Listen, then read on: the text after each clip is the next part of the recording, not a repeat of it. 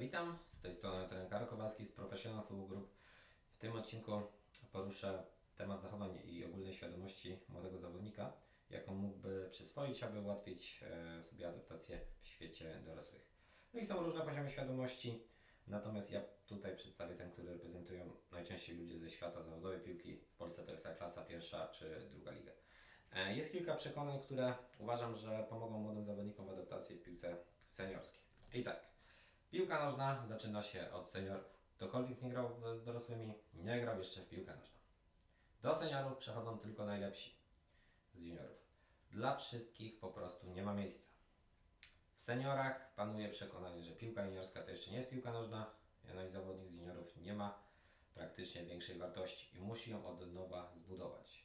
E, Chyba takim najistotniejszym czynnikiem, który różni te dwa światy, to jest po prostu to, że w, juniorach e, gdzieś e, liczy się rozwój, a w seniorach tylko i wyłącznie wynik.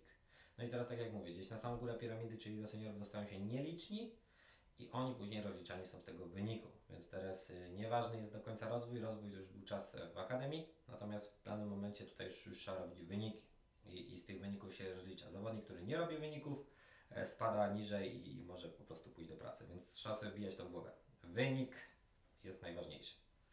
Istotnym czynnikiem gdzieś tam selekcji e, zawodników jest poziom świadomości. No i chodzi tutaj przede wszystkim o zrozumienie świata dorosłych.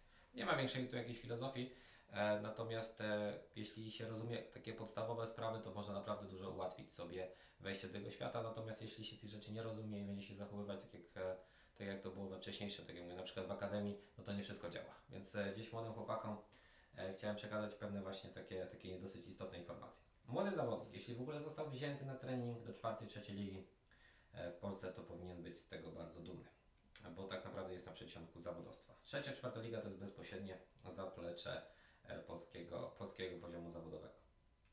Yy, powinien być świadomy, że jego obowiązkiem jest znoszenie sprzętu po treningu i pompowanie piłek. W przypadku braku tego nawyku może dostać reprymendę no i być źle przyjęty w drużynie. Jeśli starszy zawodnik pomni młodego, czy na boisku, czy poza nim, to młody powinien się cieszyć, że w ogóle ktoś bierze go poważnie. E, Do trenerów trzeba się zwracać, okazując szacunek. To znaczy, używać takich zdań. Czy trener znalazłby dla mnie czas na rozmowę, czy mogę zabrać chwilę? Postawa roszczeniowa, że coś mi się należy, jest brutalnie e, niszczona e, w tym świecie.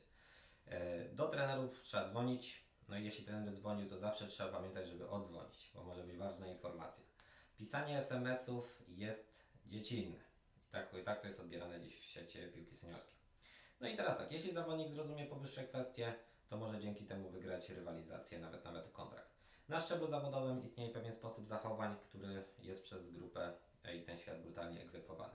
No i często młodzi ludzie nie rozumieją tego stanu rzeczy i brutalnie zderzają się z rzeczywistością, e, przepaszczając swoje szanse na zawodowstwo. Także sugeruję kilka razy przesłuchać ten, akurat ten podcast e, przed wejściem gdzieś tam do, do seniorów, no bo może Ci łatwiej zachować się adekwatnie do tego świata i dzięki temu możesz akurat e, dostać większą szansę na, na swojej wartości na boisku.